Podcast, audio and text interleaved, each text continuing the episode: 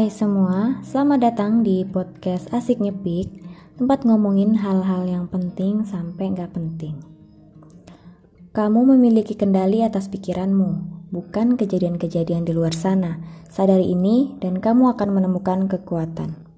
Itu adalah kalimat yang gue kutip dari sebuah buku yang pernah gue baca yang judulnya Filosofi Teras di mana kalimat ini juga dikutip dari buku Meditation karya Marcus Aurelius.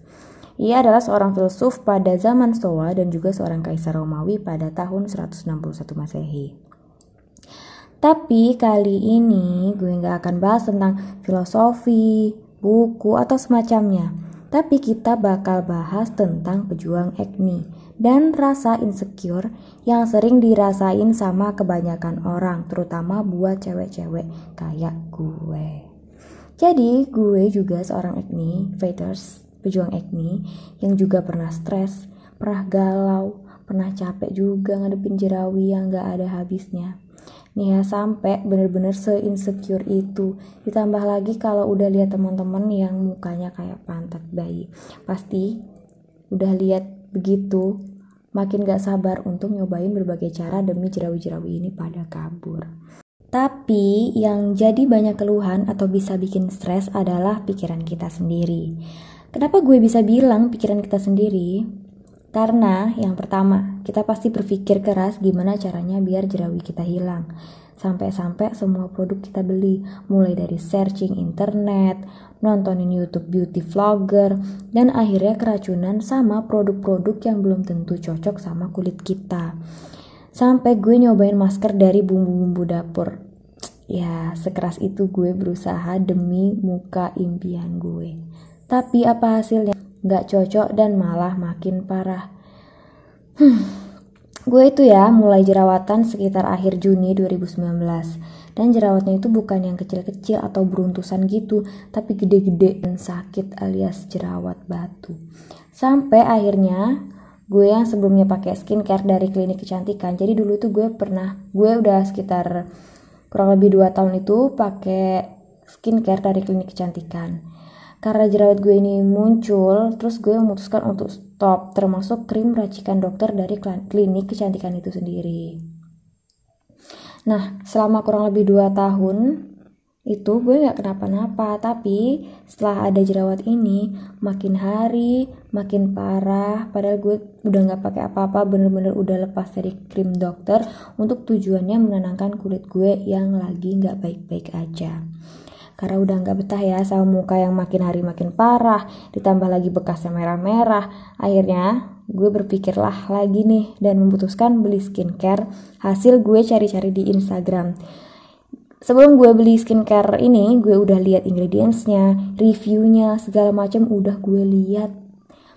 Awalnya jerawat gue masih timbul. Oke gue sabar sabar mungkin ini purging atau yang lainnya gitu. Sampai akhirnya capek gak ada perkembangan gue beli lagi deh produk yang lain. Tujuannya juga untuk ngilangin jerawat-jerawat gue. Gue coba lagi tapi hasilnya sama dan itu berulang-ulang. Berulang-ulang dengan produk yang berbeda-beda gue stres waktu itu tapi stres yang nggak parah gitu ya. Maksudnya nggak parah gimana sih? Ya gue nggak sampai nggak makan nggak sampai menutup diri atau hal yang lebih parah lain ya. Jadi um, jadi gini satu kebiasaan gue dari dulu yaitu gue selalu nyemangatin diri sendiri. Misal gue stres gara-gara jerawat nih yang nggak kunjung hilang. Tapi gue bilang sama diri gue sendiri ayo gue pasti bisa nyembuhin muka gue gue bisa mendapatkan muka impian gue gitu. Dan gue yakin gue pasti sembuh atau hal yang nyemangatin lainnya.